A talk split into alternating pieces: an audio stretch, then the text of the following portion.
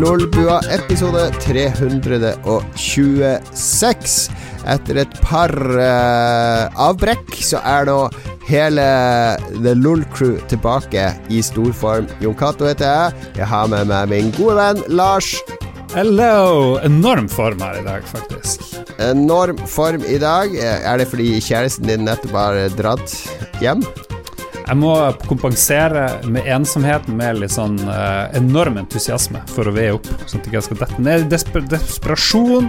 Så har jeg gitt meg en svær frokost. Aldri smakt så uh, forskjellig frokost. Jeg hadde Skal jeg si hva jeg spiste? Det var helt sykt. Du har allerede snappa det, så, så, vi har sett hva du har spist. Ja, dere har sett det. Gul, gul kiwi. Visste ikke at det eksisterte. Jeg har hatt gul kiwi til frokost. Soltørt ja. tomater. Eggedosis, bacon, tomat, agurk Eh, sånn her eh, ost av noe slag eh, og andre ting. Jeg husker ikke hva som Vent, vent, vent. Eggedosis? Jeg sa eggedosis. Eggerøre. Ja. Jeg prøvde å legge eggedosis i går. eggedosis til frokost, så tror jeg det spytt Det er jo bare egg og sukker, er det ikke det? Ja, det er disgusting. Jeg prøvde, å, jeg prøvde, å, lage det i går, men feila. Jeg skal fortelle mer om det senere. Ja, ok, ok. Og så har vi med Mats, da, selvfølgelig. Yo, yo, yo. Ute på Trondenes. Det er meg. Hallo, takk. Takk for sist, alle sammen. Koselig ja, å være samla igjen. Du sitter Absolutt. og gleder deg til du skal ut på plattform igjen ganske snart. Ja, nå skal jeg på jobb, og jeg ble faktisk litt eh, stressa fordi jeg fikk en mail fra hotels.com. Eh, sånn her kan du gjøre deg klar til ditt opphold i Stavanger i morgen. Jeg bare Hæ? Har jeg bestilt feil? Og så bare logger jeg på hotels.com i hui og hast, og så bare Nei, jeg har booka tirs tirsdag til onsdag. Så de har sendt meg en mail og stressa meg unødvendig om at jeg visstnok har reservasjon i morgen, som bare løgn. Så jeg må gi litt pepper til hotels.com. Eh, fiks det automatiske systemet deres. The power of the podcast. Her kan man henge ut alle som, eh, som ikke stryker deg med hårene. Veldig bra. Eh, god nyhet nå, da. Altså, det er jo ikke så gøy for deg å dra på jobb. Altså, du har jo jobb du trives med, men det er jo det å være borte fra PC og sykkel og venner og ditt, uh, ditt bedagelige dagligliv. Ja. Men den gode nyheten er jo at med en gang du kommer tilbake fra plattform nå, så er du oppe på hytta med meg og Lars ja. og, og, hele, hele The LOL-crew fra Oslo. Jeg føler det er sånn bonus, fordi jeg slipper liksom Jeg slipper på en måte å dra ned til Oslo. For ja. det, er liksom, det er sånn gratis hjem fra jobb, og så er det bare så stopper jeg i Oslo, møter han Lars, vi tar ut en leiebil, og så kjører vi bare rett til hytta. Det blir liksom eh, Hjemturen blir kortere, på en måte. Fordi når vi da er ferdig med hytteturen, så er det bare rett fra Oslo til Harstad. Akkurat som jeg slipper noe på hjemreisen. Jeg vet ikke. Hvor, hvor engstelig Mats, er du for å få korona på A, flyturene du skal på, og møte en gjeng fulle idioter på en hytte i sånn fire-fem dager? Jeg tar det med, med, knusende ro. Jeg tror det Gjør går det? kjempefint. Ja, jeg har trua på mine ansvarsfulle, smarte, vise venner. Ja, vi tar, altså Undersøkelser i avisen i dag viste at det er ingen som tar korona og de rådene så seriøst som folk fra Oslo. Det er folk utenfor Oslo, de bare Drit i det. det. alle de nye tilfellene er jo i Oslo, stort sett. Ja, men det er også fordi vi er så jævla mange som bor her. Og en ting til er at tenk hvor mye sprit vi har tilgjengelig. Jeg tror korona kommer til å være null, null problem. Vi skal vaske hendene i, uh, i tyrkisk uh, pe peber. I sorte svin. Vi skal vaske hendene i sprit, og her blir ja. ingen problem. Eneste jeg er litt skeptisk til, er, er den stampen. Vi må bare Men eh, dør viruset på 100 grader hvis du koker vannet? Jeg tror ikke vi klarer å få kokt vannet uten stampen. Det skal jo ikke kokes. Det er jo livsfarlig. jo, men det har jeg aldri forstått, fordi eh, eh, jeg så sånn her Det var jo en fyr som døde i sånn badstue-VM, og da har du ja. jo sånn her 98 grader og sånn inne i badstua. Hvordan, hvordan, dør bare ikke du øyeblikkelig idet du går inn i det rommet? Det har jeg aldri forstått. Men det er jo forskjell på å sitte i et rom som er 90 grader, og vann som er 90 grader. Hvorfor er det forskjell, Lars? Kjør! Science! Fordi da kokes det jo, da er du omgitt. Da er all, all overflate av kroppen din blir automatisk 90 grader med en gang. Ok, jeg tror du, jeg, jeg, du er inne på poeng her, Lars. Science, men, jeg tror ja. du er inne på noe her, Lars. Ok, takk. All right. La oss snakke litt om hva vi har gjort i det siste, selv om vi må tease hytteturen litt. For vi tar jo med opptaker opp der. Det pleier å bli noen knakende gode episoder fra hytta. Og nå har vi også til og med 4G der oppe, så det er ikke umulig at vi klarer kanskje å sette opp en sånn live DJ-strøm der oppe fra. Vi får se. Det, det er jo sjansespill de luxe. Vi havner jo i fengsel hvis vi skal streame mer enn ti ja, minutter. Noen havner i fengsel, men vi får se. Vi får se. Uh, vi kan krysse av på at det er ment for et voksent publikum. Ja. Ok, hva har du gjort siden sist, Lars? Du har hatt besøk av din utkårede. Kosa dere glugg i hjel, eh, hvis jeg skal tro det som jeg ser på Snap. Man bruker ikke å snappe når man krangler med kjæresten. Nei, og nei, sånn. nei. nei det, har vært, det har vært sånn tilnærma en krangel, faktisk, denne gangen. Eh, Oi. men det gikk Oi. bra. Det må man regne med. Jeg tenker Hvis det, ingen var det etter krangler jeg dro, Lars? Eh, Nei, det var, det var Du er uskyldig. Ok, bra. Det var ikke Eh, sånn at du må velge mellom Mats og meg. ja, ja, oh, den er bra. Ja. Nei, da velger jeg selvfølgelig Mats. uh, every time. Sånn er det. Men hun har bursdag i morgen, da, min kjæreste, så jeg oh. lagde kake i går. Det var planen. Jeg tror jeg brukte seks timer på å lage en kake. Ja, For det var sånn ordentlig kake. Det var ikke en sånn her pose Nei, fra nei. Rema som du blander med vann og heller ut i en form. Alt var lagd sjøl. Man kan jo kjøpe sånn sukkerbrødbunn eh, ferdig, som er litt kjip og tørr, fra butikken, men jeg skulle lage min egen. Eh, planen var sukkerbrød, dele den i to, putte inn masse krem og romkrem, og så noe glasur og sjokolade oppå. Ganske enkel kake, men jeg brukte fett lang tid. Først så skulle jeg piske eggedosis. Egg og sukker, og den eggedosisen skal, ifølge sånn som jeg husker det, bli litt sånn stiv, eh, bitte litt stiv, litt motstand, og så eh, litt fluffy og sånn. Du skal liksom kunne skrive navnet ditt nesten i, i, ved å dryppe liksom, Ta skjea ned og så skrive noe med det som detter av skjea. Men den ble aldri sånn som jeg ville ha den, så jeg heiv første batch med eggedosis etter å ha piska den i sånn 40 minutter.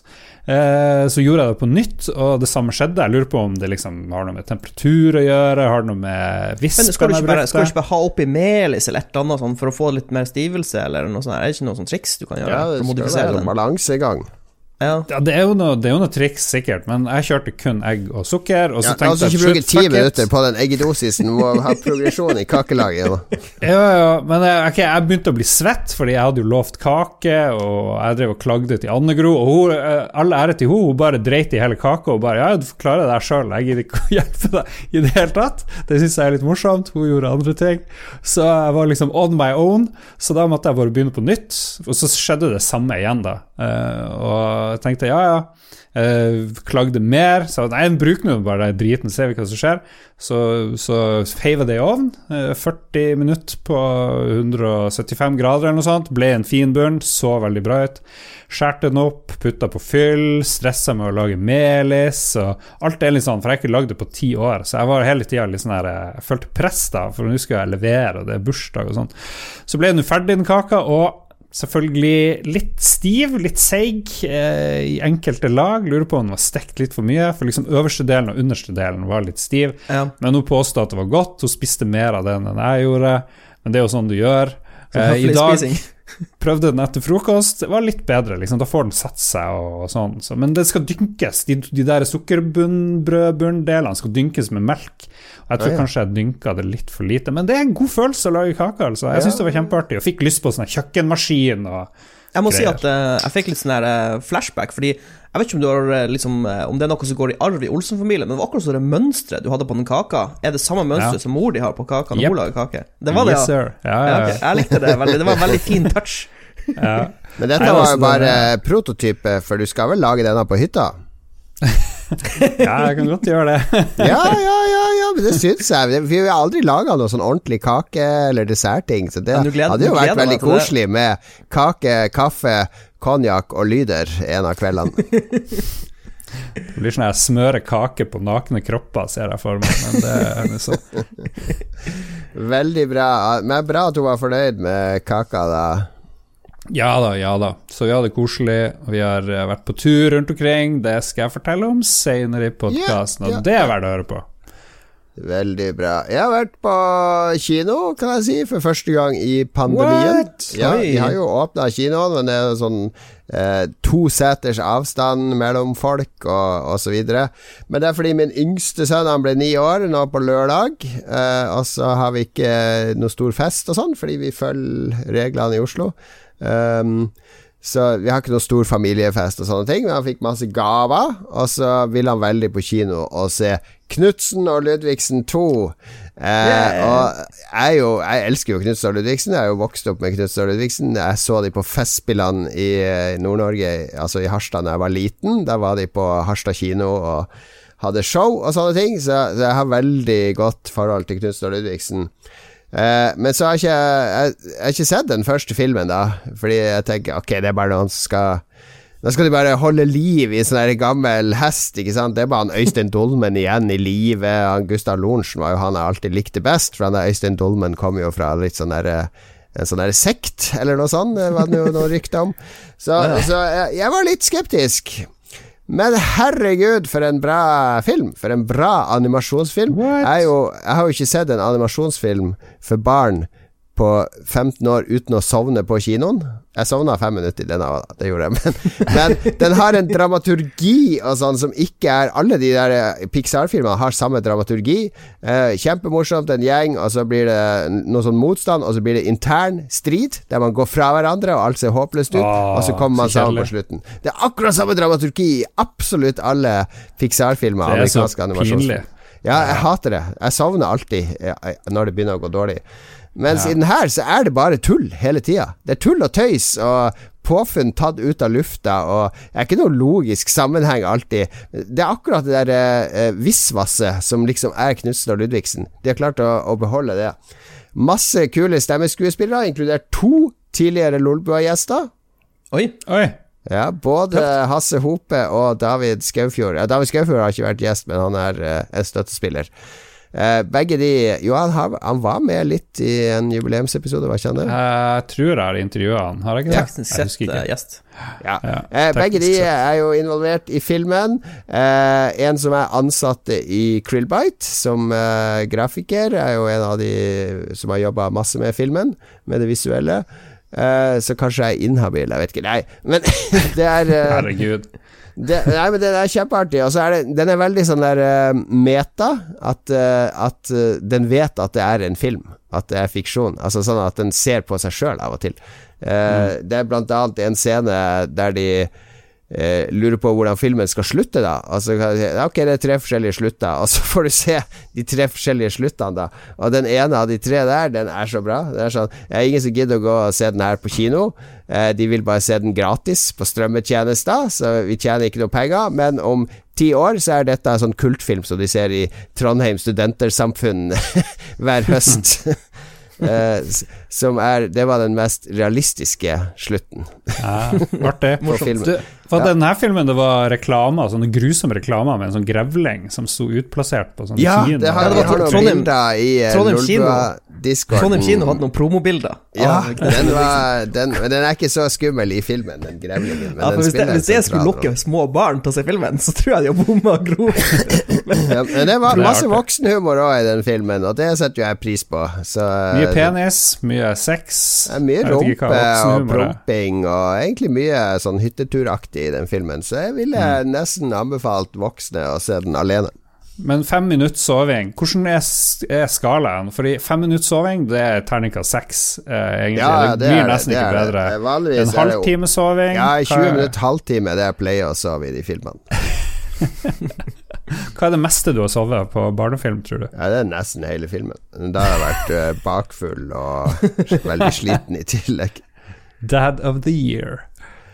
All right, Mats. Du har vært ute friskis eh, og raskis og kjappis ja, og knull... jeg har, vært, eh, jeg har faktisk gjort litt, gjort litt av hvert siden Ja. eh, sist jeg var med. Vi kan begynne med det lengste jeg har gjort. Jeg og mitt kjære søskenbarn kjørte fra Harstad ned til Florø, og så tilbake igjen. Jeg kan melde om at det er ca. 3000 km i bil. Så det var en voksen tur. Det er heftig. Ja. Nei, vi, eh, det, begynte, det begynte egentlig med at uh, en tur jeg skulle på i mai, ble avlyst pga. korona. Jeg skulle ned til Estland på et uh, pistolstevne.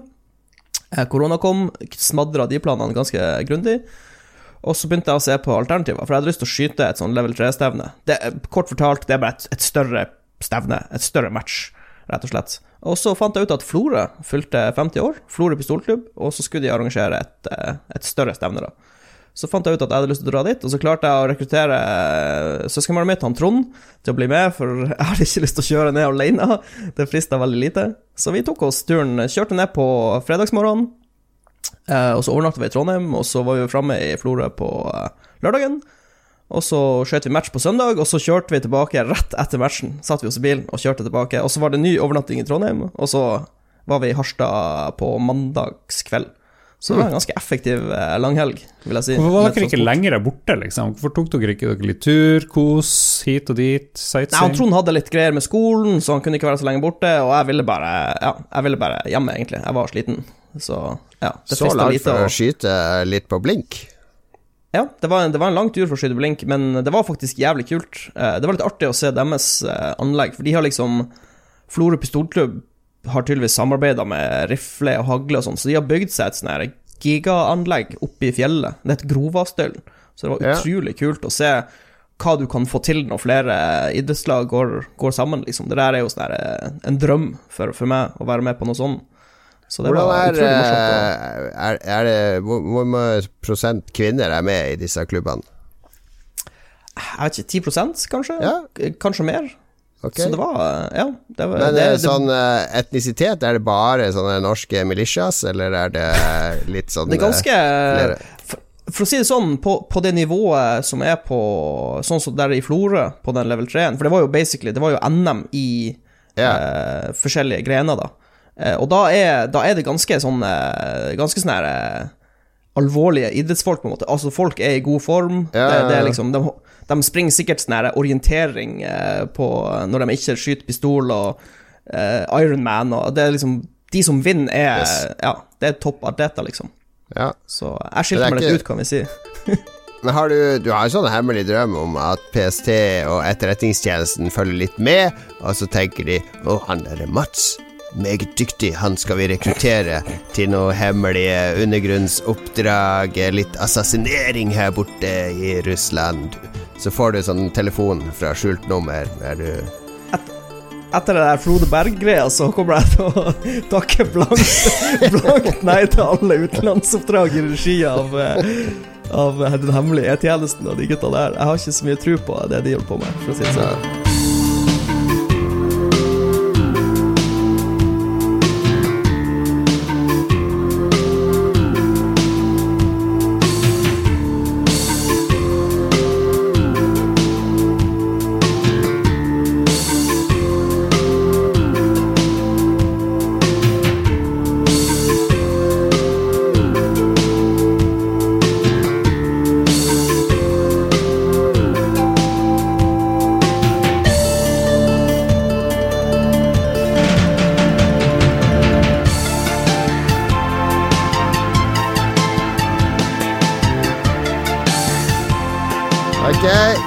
Skal vi lage litt sur stemning igjen, Mats. Det skal du sørge for, fordi vi har vår eh, veldig ferske spalte som vi kunne hatt én gang, som heter Oppgjørets time.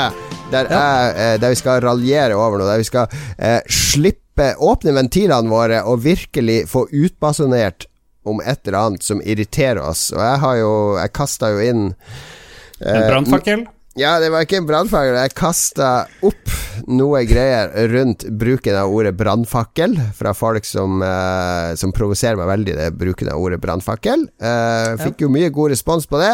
Eh, Mats, du sier at du har noe som kan være verdig denne spalten i dag.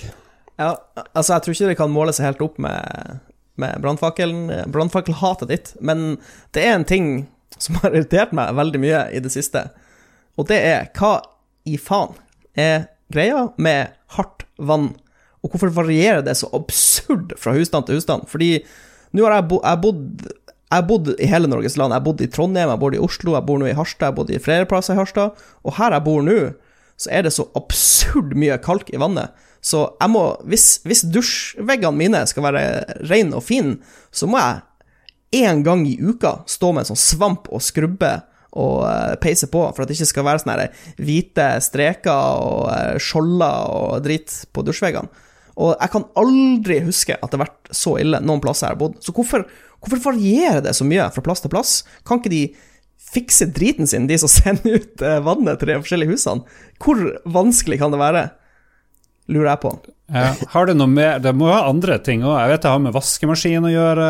Det liksom, kan du Jo, men dette vannet inn kommer jo ikke fra vaskemaskinen. Dette er jo vannet som Nei, kommer nei. en sånn tjukk Ja, Jo, men vann går inn i vaskemaskinen din. For jeg vet at min nye vaskemaskin er sånn, den vil jeg skal stille inn hvor hardt vann Jo, men dette er i dusjen, Lars. Lars. Jo, jeg vet, men det samme vannet som går i dusjen din, går inn i vaskemaskinen. Så det, er- det er ikke bare et dusjproblem, tror jeg. Du kan, jo, du kan jo veldig enkelt fikse Altså, det kommer jo av grunnvannet, og i Nord-Norge så er det veldig mye kalkrik berggrunn.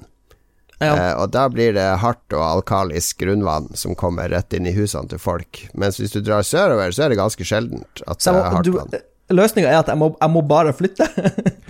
Ja, men det går vel kanskje an å ha annen, eh, et vannfilter imellom her, men det men må hvor skal jeg ha det vannfilteret? Det er jo det som er, fordi jeg bor jo i sånn eh, leilighetskompleks, så jeg kan jo ikke ja, drive og Hvis det er dusjen som er problemet, så kan du jo montere et vannfilter i dusjen din. Ja, men Jeg har det, et, uh, altså at jeg må gjøre Altså, jeg, jeg betaler kommunen penger for de skal sende vann til huset mitt, og så kommer det sånn søppelkalkvann inn Ja, de og bare forsøpler huset dusjen min.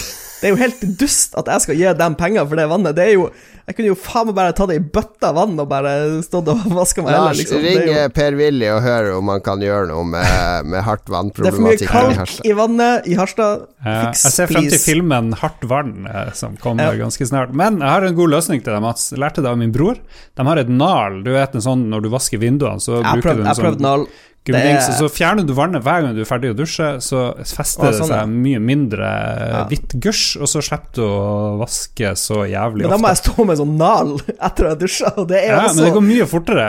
enn Jo, men det er så mye, det er så mye ekstra Det er så mye ekstrasteg for en ting som ikke burde eksistere. Hvorfor, hvorfor Ja. må jeg stå med nal etter å ha dusja, liksom? Kan du ikke bare dusje en gang i uka? Må du dusje så ofte? Jeg må dusje ofte. Jeg er en dusjefyr. Jeg, jeg dusjer hver dag. Jeg, I minst én dusj hver dag. Så, ja. Ok, jeg skjønner irritasjonen, men uh, kan du ikke klage til uh, Du kjøpte jo splitter ny bolig på Trondenes. Er det, Ja. er det her påpekt i eh, beskrivelsen uh, når du kjøpte det, at uh, hvor høy verdi av, av magnesium og kalk det er i vannet? pH-verdien til Ja. Nei, vet- hvis det ikke ikke er påpekt, så, så syns jeg jo at det kan være noe å ta opp på borettslagsstyret. Å gud, at, men da må jeg Ja, dette er sånt lang prosess. Jeg som jobber i kommunen, elsker jo sånne prosesser nå, vet du. Så jeg må bare, bare ring meg for gode råd til hvordan du skal ta opp dette i, eh, i styret ditt. Ja. Jeg skal, Eh, jeg skal Det tenke kan på det. føre til manglende såpeskumming, ser jeg. Såpen skummer ikke like mye som Ja, okay. andre steder i verden. Mystisk. Ja, derfor, jeg har ikke merka det så mye med Verken med vaskemaskin eller oppvaskmaskin. Det er liksom i dusjen, på de dusjveggene, det er superåpenbart. Men ja. Eh, undersøkelser fra flere land tyder på at befolkningen er mindre utsatt for hjerte-karsykdommer i områder med hardt vann. Oi. Ja, men det, er- da, det er plusser og minuser, med andre ord. Ja.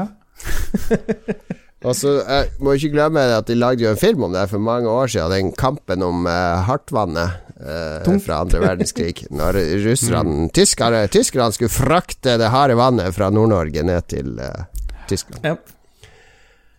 Musikk.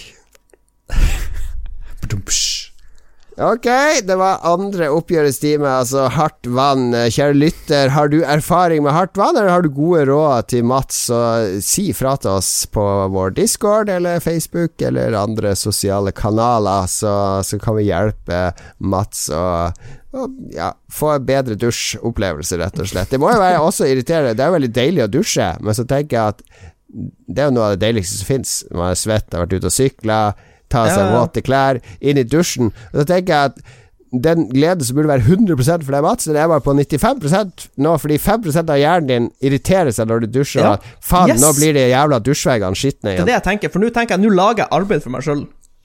Ja, så, er. så det, jeg skjønner at det er irriterende. Absolutt. Ja.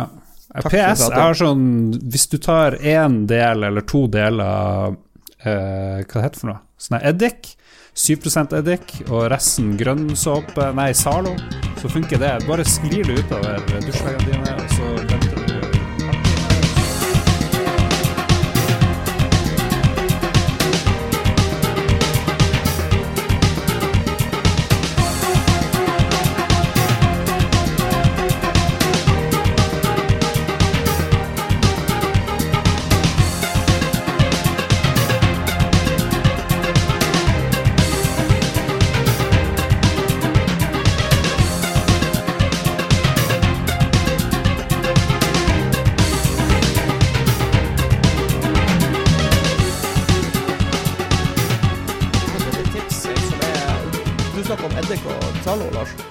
Ja. Det er det tipset jeg har fått, så jeg skal prøve det.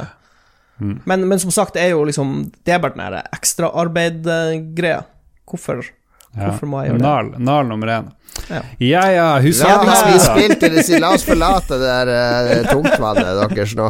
Hva har vi spilt i det siste? Uh, er det det skal handle om. Jeg har spilt uh, faktisk ekstremt mange spill i det siste. Vet ikke helt hvor jeg skal begynne. Lars, skal jeg begynne med Lars. Du har hatt kjæreste på besøk, så jeg er jo meget eh, stolt av deg at du faktisk har klart å spille i det hele tatt. Jibbidu. Jeg har faktisk kjøpt Star Wars eh, Squadrons, men det har jeg ikke rukket å spille. Jeg har heller fokusert på Crash Bandicoot 4. Fordi jeg likte jo Crash Bandicoot 1 og 2. Spilte Ja. det i jula, husker jeg, flere år. Syns det var koselig. Um, og så hev jeg meg på. Jeg klarte ikke å la være. Uh, jeg bare lasta ned det her smelldyret Crash Bandicoot 4. Takk til Patrions. Uh, Lolboa Patrion, go there. Uh, jeg syns det var helt ok. Helt ok. Jeg vet ikke, Alle vet jo hva Crash Bandicoot er. Det er en helt latterlig handling. Det er noen skurker som liksom har eh, gjort at tid og rom Er det han doktor eh, Neo Cortex fortsatt? Ja, ja det, er- jeg tror det, det er i hvert fall tre store skurker. Det var én ond sånn der unga bunga-kar. Han den maska, han Lukka Lukka, eller hva han heter for noe. Han er med der, og så er det en annen skurk, og så er det han eh, Neo Cortex. Så de gjør noe tull. Så du springer rundt. Eh, morsomste spilleffekten nå er at du kan warpe mellom ulike tilstander i verden. Så noen plattformer er usynlige, eller du ser dem så vidt. Når du trykker på en knapp, så bush, kommer de til. Så noen ganger så må du stå på en plattform, hoppe opp i lufta, switche verden, og så lander du på en ny plattform, og det blir ganske tricky hvis du skal fange alle crates, for det er jo sånn der hvis du fanger alle crates, så får du ekstra skins og litt sånne ting. Så jeg brukte utrolig mye tid. Jeg tror jeg døde 29 ganger på en sånn plattform hvor jeg drev og plagdes eh, veldig mye. Fargerikt, fint, last laste kjapt, eh, helt ok, men litt weak sauce. Litt sånn der eh, Jeg vet ikke. Jeg har, for jeg har også jeg har spilt uh, mye Spelunky, og alt annet enn Spelunky virker veldig lite gjennomført og utfordrende nok, kan du si. Så selv om jeg har dødd mye, så føler jeg at det, det er sånn, det er mer- plagsomt i Crash Bandicoot, mens i Spelunky 2 så er det liksom det, det, da, er, da er du på et annet nivå spillmessig, egentlig. Hver død er en lærepenge. Jeg har jo også spilt mye Spelunky 2. Jeg elsker det. Skamløst og hemningsløst. Det er så bra laga og gjennomført, og Ja. hver verden er liksom sin helt egen eh, arena for nye regler og ting du skal mestre. Ja, jeg er spent på ditt inntrykk av Spelunky 2, men jeg kan jo bare si sånn Crash Bandicoot 4 Kanskje mest for barn, for folk som ikke er så jævlig hardcore. Jeg er jo ikke så hardcore, men det, det føltes faktisk litt for sånn der uh, tynn, u, tynn kaffe, liksom. Uh, Jeg vil ha noe sterkere, sterkere lut. Veldig god analogi der. Ja, det, det, jeg, jeg, jeg høres alltid ironisk ut. Du driver Mats og ser på noe helt annet. Vanligvis er det jeg som ikke følger med. Hallo? Hallo. Han eh, Ja, eh, vi kan gå rett på Spelunky 2, for nå har jo endelig jeg fått spille det etter det kom ut på PC Master Race-plattformen Steam. Eh, Coop funker vel ikke Eller funka vel ikke fra start, jeg vet ikke om det er implementert nå, men det er ikke så interessant uansett, fordi det er jo singleplayerspill som er helt fantastisk. Uh, når du prata om det for noen uker siden, Lars, så hadde jo var litt sånn forvirrende, fordi du skjønte ikke hvorfor det spøkelset dukka opp, og litt sånn, Ja, ja. Du, har, skjønt det nå, da? at Jeg har er skjønt det nå. Det er sånn krukke du knuser. Ja, ja, på ja. med Så spøkelser. det er masse sånne småting å finne ut av. Sånne uh, finurlige ting. Uh, altså Når du begynner å mestre verden 1, så får du deg en snarvei til verden 2, og det, de andre verdenene er jo De er ganske annerledes. Altså det er nye fiender, det er lava, det er ting og tang som du må finne ut av der òg. Så jeg bare elsker hele den der eh, måten at du mestrer mer og mer hele tida hver gang du spiller det. Ja, ja. Eh, det er så vanskelig, og jeg vet ikke hvor langt du har kommet. Jeg har begynt å se på streamere som spiller det, og det jo Jeg ser jo at jeg er jo en dårlig gamer, sånn egentlig. Presisjon, timing og alt det der, der det mangler noe der hos Ja, meg. det kommer egentlig. seg jo mer du spiller det. Det handler om å få det inn i blodet. Eh, akkurat som andre hobbyer, ikke sant. Enten det er dynamisk sportsskyting alt sånt. Altså, du må, jo, jo mer du trener og øver, jo mer eh, kommer det på instinkter og, og ting du trodde det her kommer jeg aldri til å klare. Det klarer du jo til slutt. Ja, men hvor langt har du kommet eh, nå, da? Sånn Nei, men jeg, problemet er jeg spilte masse på hytta da jeg var der oppe i høstferien på PlayStation. Så da kom jeg til verden tre eller noe sånt og låste opp snarveier og sånn. Men så begynte jeg å spille på PC når jeg kom hjem, så har jeg begynt på nytt. Altså Av en eller annen grunn så syns jeg det er litt vanskeligere på PC enn på PlayStation. Jeg vet ikke hva det er. Eh, Ja, men eh, jeg sliter litt mer her, selv om jeg egentlig burde peise gjennom det. Ja. Driver du og dreper shopkeepers og sånt? Er du der? Nei, jeg er ikke på det nivået. Jeg skjønte at det er en, eh, en taktikk, men jeg bare prøver å låse opp mest mulig. Mm.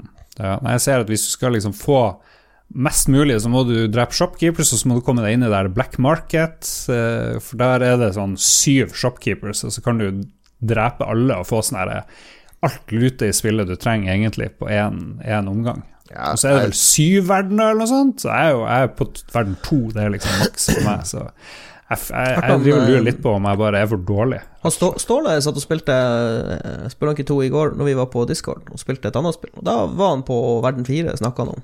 Så Ja. du må skjerpe deg, Lars. Ja. Ja, ja men det er eh, Altså, og det gjør ikke noe at det går dårlig heller, fordi i to sekunder så har du starta en ny run eh, med nye utfordringer. Når du, har du fått låst opp snarveien nå, Lars? Nei, jeg har ikke fått låst opp den jævla snarveien. Jeg har gitt henne bombe, og har gitt henne penger Der, da, Ja, det det skjer kanskje neste gang du møter henne, så får du snarveien. Og da starter du i bunnen av 1-4. Uh, så kan du ta med deg en kalkun eller et eller annet inn til verden 2, da. Så du kan liksom starte på verden 2 hver gang. Og da Mm. Ja. ble det er veldig behagelig å kunne utforske den verden fra, fra du starter spillet. Ja. Og bare sånn for det der Crash Bandicoot 4 Det, det som jeg liker da, det er jo at det er litt sånne collectible-greier. Det der med at du skal ta alle crates og sånn. Det er liksom det jeg syns er gøy. Så det er mulig jeg blir å kjøre på det bare for liksom øh, Fordi det er en sånn artig samlegreie, da. Men selve spillmekanikken føler jeg er, det mangler litt, liksom. Det er litt for upresist, syns jeg. Samle på pappesker. Det liker Lars. Ok, Mats, vi har spilt uh, Warzone Ja. sesong seks, begge to. Det har vi også. Det er jo kommet eh, litt nye ting der. De har lagd til en sånn T-bane. Jeg vet ikke om du har prøvd den, Jo Cato? Uh, jeg har vært nede i T-banen en Ja. gang igjen når jeg har spilt solo. Ja, men jeg får jo sånn helt klaus av å gå nedi der. ja, altså det er jo sånn her metrosystem, men jeg føler at Ja, det er kult at de la det til, men jeg mistenker at det ikke brukes så mye, for det er, det er så det er så kobla fra resten av kartet, på en måte, for du må ned en sånn Ja. tunnel og noen trapper. Og, Kanskje hvis du har det der kongegreia for å vekke tilbake Ja. teamet ditt, at du kan løpe ned og gjemme deg på T-banen. at du bare sitter på T-banen og cruiser ja. rundt. Ja.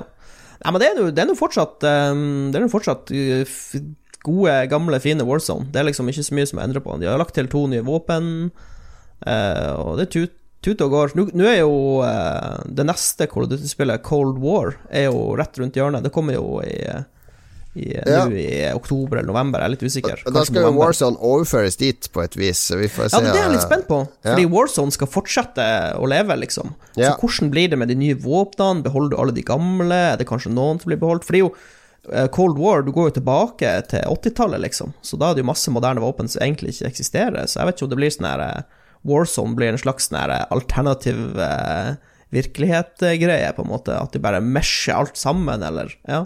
Det blir spennende å se. Det som jeg liker minst med den nye sesongen, er jo at det er jo ikke lenger bounties. Altså, Ja. det er masse sånne kontrakter du kan plukke opp, men den ene kontrakten, bounties, som egentlig var kanskje den beste, fordi den eh, markerer en fiende du skal ta. Sånn Ja. cirka hvor han er på kartet, og så får du sånn bonus, eh, altså pengebonus, hvis du klarer å ta han. Eh, og hvis du blir markert, så får du sånn en markør som viser hvor langt unna de som har kontrakt på deg er, så at man blir helt sånn paranoid når, når den får tre streker og blir rød. Eh, og det, det var en veldig kul mekanikk da med å ha litt kontroll på et annet team. Eh, Ja, så får du noe å gjøre, på en måte. Du har et mål, Ja. du har et direkte mål. Gå hit og slåss med de, liksom. ja, nå er det bare de kjedelige kontraktene igjen, liksom. Så jeg lurer på hvorfor de har tatt bort de. Jeg føler i hvert fall at hvis de skulle fjerna Bounty-kontrakten, så skulle de i hvert fall erstatta den med noe annet, og ikke bare ta Ja. den bort uten å gi oss noe. Så jeg er helt, Ja, jeg er helt enig. Mm. Så, men eh, det er fortsatt gøy. Vi er en hel gjeng som spiller, så, og Ja. ganske Nesten hver kveld i Lolbua-discorden så er vi en gjeng inne på en av eh, chattegruppene der, så det er bare å slenge seg med. Ja, god stemning. Ja, hvis, Eh, du får, nevne- hvis du ikke får minst tre kills i første kamp, så kan du ikke være med videre, da. Så nei, det er rett ut. er, her er det Det er bare å gjemme seg bak Mats, så, så ordner han det meste. sånn som jeg bruker å gjøre. Ja, The Point Man. Eh, jeg kan jo nevne, jeg har jo også spilt uh, Baldur's 3. Det kom jo Ja, det er, jeg eh, i forrige uke. Ja.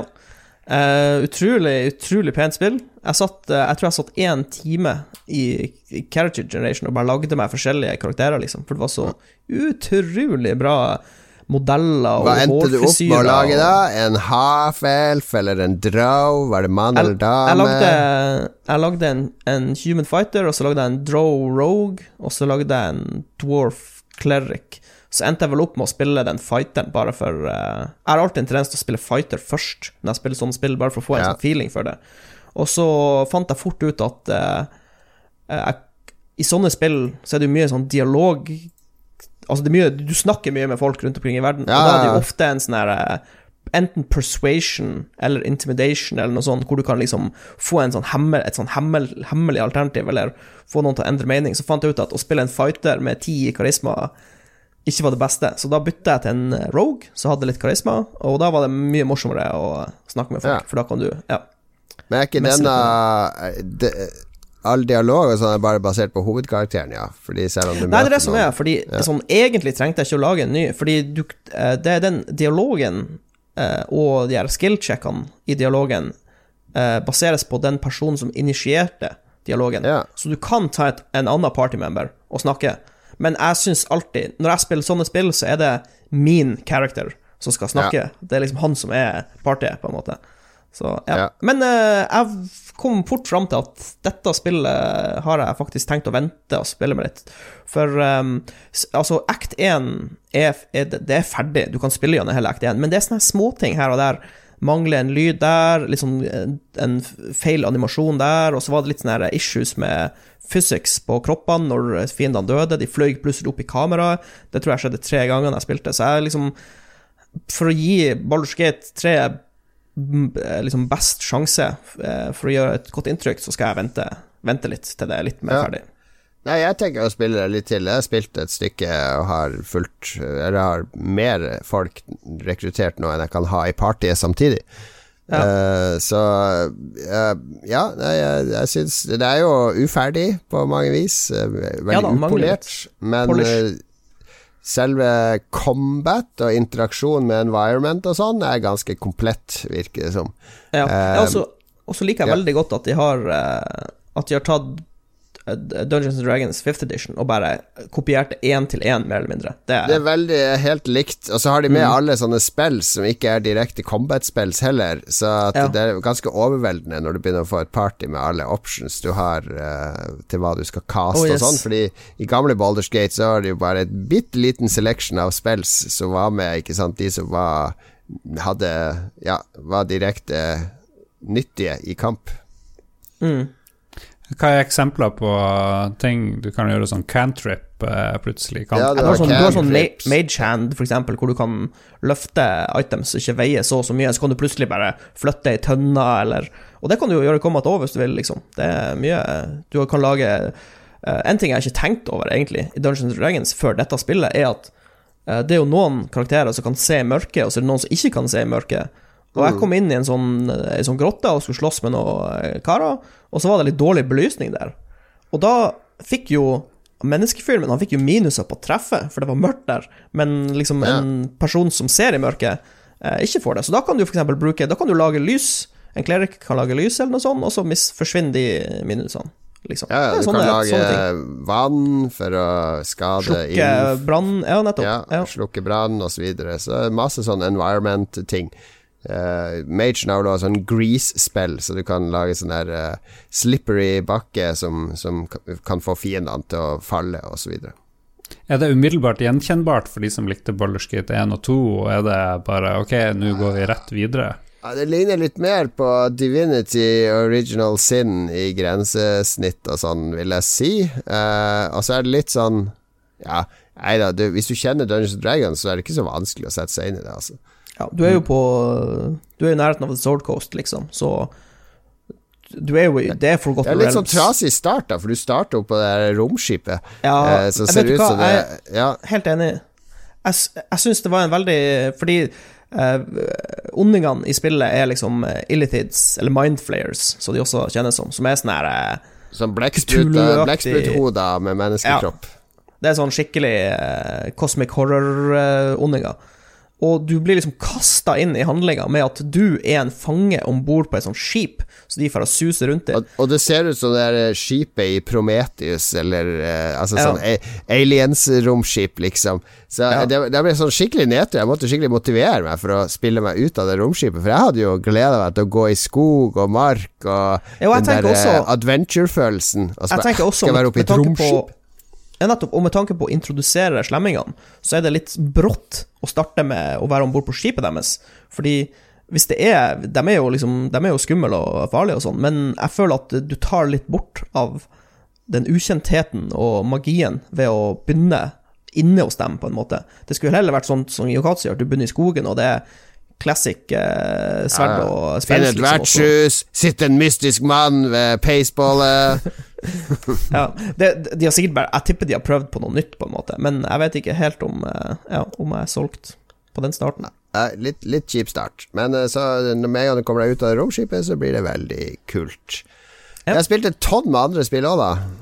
Ja, jeg ser det. Jeg er jo spent på å høre om Star Wars, Star Wars og Hades har dere spilt. Jeg kan ta litt kjapt, fordi Hades har vi snakka så mye om før. Altså Hades, som uh, Ragequit og andre sånne mindreverdige podkaster har oppdaga nå, det sjekka på lolbua.no, det snakka vi om for over et år siden, når jeg hadde spilt det når det kom på Epic Game Store i Early Access. Ja, så, så, det trenger jo ikke vi snakke nei, om. Men det, det er kjempebra. Det, òg. det er i Spelunky 2-land i kvalitet, rett og slett. Men Star Wars Squadrons er jo alle i ekstase om for tida. Um, jeg har ikke spilt det så mye, jeg har spilt et par oppdrag. Det, for det er ikke X-Wing eller Tie Fighter som vi husker de. Uh, det er litt mer sånn filmatisk forenkla uh, på mange vis. Men det føles veldig Star Wars. Altså Det er kule karakterer og litt sånn cutscenes mellom, og akkurat det nailer det. At det føles som uh, uh, en sånn verdig Star Wars spin-off-greie. Og så tror jeg det er Grunnen til at jeg ikke har spilt det videre, er at jeg har veldig lyst til å spille det i VR. Så jeg vet jo at Mats har bestilt seg det nye Microsoft uh, HP. Er det ikke de som samarbeider om det? Valve? Jeg husker ikke Er det ikke Var det ikke Jo, det var HP. Jo, HP sitt. Ja, HP og Microsoft Men, og Valve har jo samarbeida om det headsetet. Jeg lurer på om de sliter med produksjonen, fordi den her datoen blir bare dytta lenger og lenger ja, ja, ja. ut i ja. Det har ikke så mye å si, fordi jeg har, jeg har, lyst, jeg har mer lyst til å spille det her i VR. Da. Jeg skjønner jo at det er magisk i VR. Jeg snakka med Erik Fossum som, i Pressfire, som vi samarbeider med om om spillrevyen, som sier at det er veldig magisk i VR, og det er liksom skapt for VR. Så mm. det blir ikke så kult på, på monitoren. Og så ble jeg så utrolig irritert av det spillet, for jeg har jo fulgt Hotas, eh, som jeg brukte Elite Dangerous og andre ting. Det funker ikke i det hele tatt i Star Wars Squadrons, selv om det skal støtte det. Eh, fordi han tror eh, den der throttlen er spaken, og så må du om og inn og rekonfigurere ting. Og så Av en eller annen grunn det er tydelig at det er et konsollspill. Altså det er laga for konsoll først, når det gjelder grensesnitt og sånn. Fordi av en eller annen grunn så insisterer han på å Å ja, du har kobla til en joystick? Da skal jeg bare vise deg uh, at Uh, skyte er joystick button 15. og, og, slå på uh, lys er joystick button 12. Uten at du kan vite hva, hva, i helvete mener du er joystick button 12. Det står ikke noe sted! Så du må trykke på alle knappene på en joystick for å finne ut hvilken knapp er det egentlig du mener. Eh, og så du prøver å ta musa og bruke musa og tastatur inni der for å rekonfigurere, for da kan jeg bare trykke på skyting, og så kan jeg trykke på den knappen på uh, joysticken som jeg vil skal være skyteknapp. Nei, det går ikke. Nei, har du kobla til en joystick, så kan du ikke bruke musa. Nei, da skal vi slå av musa. Du må ikke finne på Nei, skal, du, Da styrer du bare med joysticken. Herregud, for noen nolduser som har laga det grensesnittet på PC-versjonen. Skjerp dere! Jeg vet jo at det her kommer til å bli fiksa i en patch, men det var, det var bare så Jeg satt en time og prøvde å få den joysticka og den trotten til å funke, og prøve og feile, og da var jeg så sur på det spillet at jeg fant ingen glede av å spille de to første oppdragene med en Xbox-kontroller som jeg endte opp med å styre med. Jeg har et forslag. Ta, ta og Klipp ut den biten her, og så flytter du den opp i oppgjørets time. Så har vi så Jeg har jo basically en oppgjørets time i hver podkast gjemt inn i en av de andre spaltene. ja, Veldig bra. Veldig bra. Men det er, jeg skal spille det på nytt når de har A. fiksa det der Hotas-oppsettet deres. Eh, B. Når jeg har et VR-headset å spille det i. Jeg tror det blir veldig kult i VR. Jeg må innrømme, jeg kjøpte jo det Star Wars Squadrons, men det er litt sånn fordi jeg tenker ja, ja, da kan jeg sikkert spille det på PlayStation 5 når det kommer, med sikkert litt mer eh, frames, forhåpentligvis, og ditt og datt. At de, de må jo oppdatere det, vil jeg nå tro. Ja, det vil jeg tro. Ja, De trenger vel strengt tatt ikke å oppdatere spillet så mye, tenker jeg da. Det er jo bare å skru opp settings, liksom. Ja, I- ja. ja. da. Uh, til slutt så har jeg spilt to kinesiske spill. Noen må ta den kinesiske kula for Ni Eh, fordi de kine om, om fem år så spiller vi bare kinesiske spill, karer. Ja, Ja. Jeg er klar. Genshin Impact, eh, største kinesiske spillet noen gang. Eh, de har tatt sett de har tatt og sett på Zelda Breath of the Wild, og så har de laga det på nytt eh, med mer anime-estetikk. Eh, muligheten til å bytte ut personen du styrer med masse forskjellige karakterer med ulike ferdigheter og sånne element capabilities. Og så har de gjort det gratis. Cross-plattform, mobil, PlayStation og PC. Eh, Kjempediger åpen verden. Du kan utforske og slåss, gå opp i level. Masse ting, du, stats du kan gå opp i på våpen og karakter. Så mye mer sånn rollespill eh, tungt med stats enn Zelda. Og så er det jo gjemt bak de der eh, gacha-mekanikkene. Altså det er jo det vi kaller for lootboxer. Eh, Du låser hele tida opp belønninger i form av sånne pakker du kan åpne. Der kan du få nye karakterer og våpen og andre ting. Disse har en rating fra én til fem stjerner, og femstjerners ting er ganske sjeldne, da, så du må åpne ganske mye pakker for å få de sjeldneste og beste tingene. Eh, men det ødelegger ikke, fordi det er, du møter ingen sånne barrierer der du bare Å, herregud, det er, det er ikke mulig å klare. Eh, Er, er, det, er det bare singleplayer?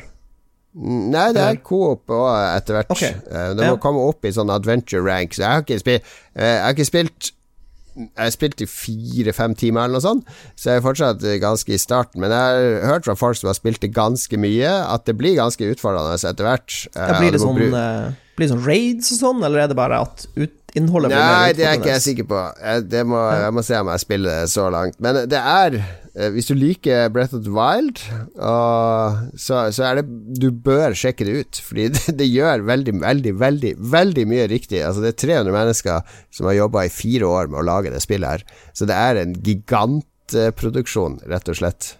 Ja, jeg så de hadde håva inn ganske mye penger de første dagene. Ja, ja, ja. Den forretningsmodellen der borte er jo 100% akseptert i alle asiatiske land, så kinesere og folk i Japan og, og Taiwan eh, har ingen problem med å, å betale for pakker og, og cosmetics og alt mulig sånne ting.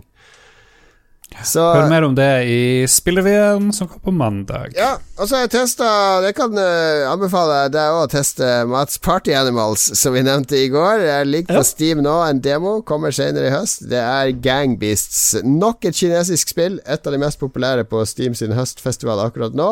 Uh, multiplayer brawler, uh, fysikkbasert. Veldig som Gang der det er sånn klønete folk som griper ting og tang og kaster hverandre utfor stup og ramler. ja. Mye latter. Men eh, det er så polert, den kinesiske versjonen, og så er det så dumme dyr. De ser så De har selv, selvfølgelig fått med seg at det er noe som heter Untitled Goose Game, så det er sånn andekarakter i det spillet. Som den ser så bra ut. Det er bare å Jeg se synes jeg så Jeg synes jeg så Psyduck fra Pokémon også. Ja, noe som han ligner på. Og Bare se de figurene vagge rundt og falle og ramle, får meg til å trekke på smilebåndet. Og det kommer til å bli en suksess. Jeg viste det til barna mine i går etter at jeg hadde lasta det ned. Jeg måtte rett og slett eh, rive kontrolleren ut av hendene på de, for de satt og lo.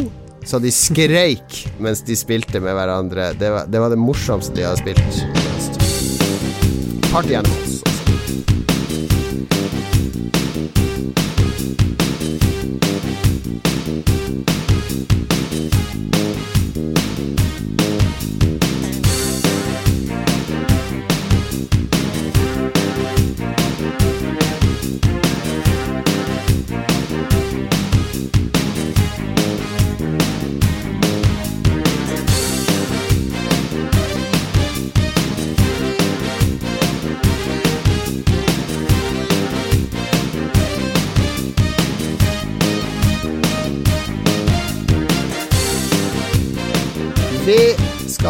Hver måned gå gjennom de spillene som kommer eh, den måneden. Eh, Det er vår service til deg, kjære lytter, og en måte å snakke mer om spill, som er det de fleste etterlyser. Eh, ikke så mye kakebaking og, og terrengsykling og, og sånne ting. Ja. Men mer spill. Så la oss gå gjennom høydepunkter høydepunktene fra oktober som vi har valgt ut. Vi har slutta å ta med alle spillene, for det er så mye anime og marginale spill at uh, vi tror det blir litt kjedelig i lengden. Jeg, pl jeg plukka ut det er nok spill for det. Vi kan ta de som har kommet. Crash Bandicut 4, det har vi jo prata om allerede. Uh, Lars er sånn ok Ja. fornøyd. Er som en eh, Ja. Grandiosa i pizzaens verden. Ja, hvis du er unge eller liksom casual, så er det helt topp. Helt Ja. supert. Eller er hvis du er blod, blodfan av franchisen. Ja. Star Wars Squadrons har jo kommet, det har jeg snakka om. Fifa Ikke spill det med 21. Fifa 21 har nettopp dukka opp. eh, det har min yngste sønn fått i bursdagsgave, så han har spilt det litt. Eh, jeg har ingenting å si om Fifa 21. Jeg så at eh, Switch-versjonen av Fifa 21 har fått litt pepper. Ja, De, de har basically de har, de har kopiert Fifa 20 og bare whoop, nå er det Fifa 21. de har skrevet på boksen at det er ingen gameplay enhancements fra fjoråret. Ja. Ja. Men, og det verste var at Fifa 20 var en blåkopi av Fifa 19. så det hvor er langt, basically ja, nettopp. Hvor langt tilbake går det? Men på den andre sida, det er jo bare fotball, ikke sant? Det er jo et fotballspill. Hvor mye Ja. kan du endre på det? Og Jeg mener det er 21. minst utgave. Det har jo kommet mange sånne World Cup og spesialversjoner, så de må ha lagd 40 Fifa-spill, og hvor mye skal de liksom endre på hvert Ja. år, liksom? Det er sant. Fotball Eh, men det, det er ute for de som liker fotball. Jeg regner med de har kasta seg over Fifa 21 allerede. Det er jo karrieremodus òg i disse spillene nå, som jeg, eh, jeg Vi går videre. Balders Gate 3 er kommet i Early Access. Der er jeg litt som eh, Mats. Jeg kjøper det gjerne for å støtte Larian. Eh, og så har jeg litt lyst til at det skal bli enda mer ferdig og polert og komplett opplevelse før jeg virkelig kaster meg inn i det. 14. oktober. Der kommer det noe som heter Vigil The Longest Night. Det var en av de mer obskure jeg tok med denne gangen. Det er et uh, Metroidvania, som denne sjangeren heter, med Call of Cthulhu-tematikk. Eh, Sånn Eldritch horror og greier. Ser veldig Metroidvania, eller ser veldig Castlevania ut på grafikk og stil og, og gameplay. Eh, kanskje litt sånn Dark Souls inni det òg. Eh, want to watch, mener vi i Lolbua i hvert fall, om Vigil The Longest Night. Så har vi Age of Empires 3, Definitive Edition. Der gleder du deg, Lars. Nei, ikke i det hele tatt. Lars What? er AOE AOE3. Han er om bord på AOE3. Yndlingsspillet til Jens Stoltenberg og Sandra Lyng. Ja, det er i hvert fall den definitive utgaven som kommer 15. oktober. Vi går bare videre vi til et norsk spill. Eh, norsk spill kommer det mye av i høst. Eh, Embraced har vi jo prata en del om. Det har fått vanvittig gode kritikk rundt omkring i verden, har jeg sett. Det er mange som liker det spillet. Eh, Mesmer er jo Rain Games i Bergen. De lagde Tesla-grad. Eh, var veldig kult 2D, litt sånn Metroidvania-plattformerspill. Eh, som har gjort det rimelig bra. Eh, vel, eh, ja Det er jo ute på alt. PSP tror jeg til og med kom på. Eh, kanskje det mest porta norske spillet noen gang. Eh, Mesmer er, foregår i samme univers, men det er ikke en oppfølger. Det er et helt andre, annet type spill. En slags revolusjonssimulator. Ja. Ja, og så snakka vi jo med Aslak Helgesen i Rain Games i Spillrevyen i forrige uke, og han beskrev det som uh, uh, Game of Thrones i Andeby, så jeg vet ikke, det er en utrolig artig måte å tenke på det. Han mente vel òg at det var litt sånn her uh, Jeg vet ikke, en sånn Nintendo-fil over det hele. Det er kanskje noe sånt. Litt sånn Ja. familievennlig, eh, med politiske undertoner. Ja. Ja, det ser, det ser veldig annerledes ut. Jeg syns det er kult at de har bevega seg i en sånn uh, retning. Så litt skeptisk til politikk i spill. Det hører vel ikke hjemme i dataspill, gjør det det? Mm? mm. var 16. ironi. oktober, jeg gleder meg. Men de har reklamert veldig lite for det spillet, da. Og det kan man jo bli litt sånn skeptisk av. Hmm. Ok. Uh, vi skal til Sverige for neste spill. Der er vi Frictional Games. Hyggelige folk. Jeg har spist middag med de i San Francisco tidligere. De, er med, de ble jo kjent via det første spillet i Amnesia-serien. Og så har de laga veldig mange First Person horror-spill siden da. Zuma, blant annet.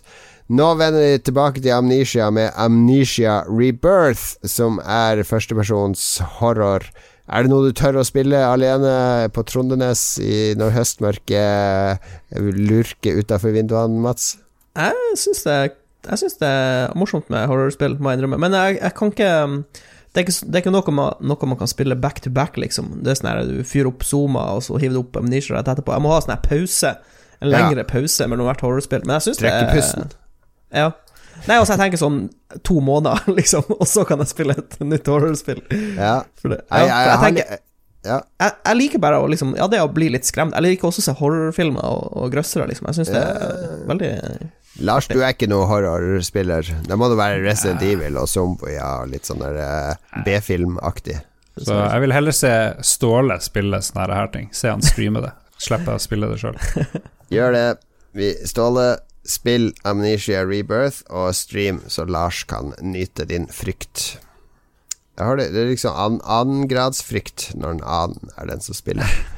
Ghost Runner er et uh, litt uh, interessant spill som kommer uh, senere Eller 20, hva er det står der? 27. oktober? Ja. Um, det er et first person-spill som foregår i en veldig sånn estetisk cyberpunk-aktig estetikk, med veldig mye akrobatikk og action. mye neonskilt. Ja, mye Ser ut som blandinger. Det ser veldig sånn Trond-aktig ut, for den som husker den eh, filmen. Mm. Ja, nei, jeg, jeg husker jeg så noen videoer av dette for lenge siden. Det, det må ha vært sånn halvannet år siden, eller noe sånt. Det ser jo kult ut, da. Det er jo sånn her skikkelig Ser ut som noe for deg, Mats.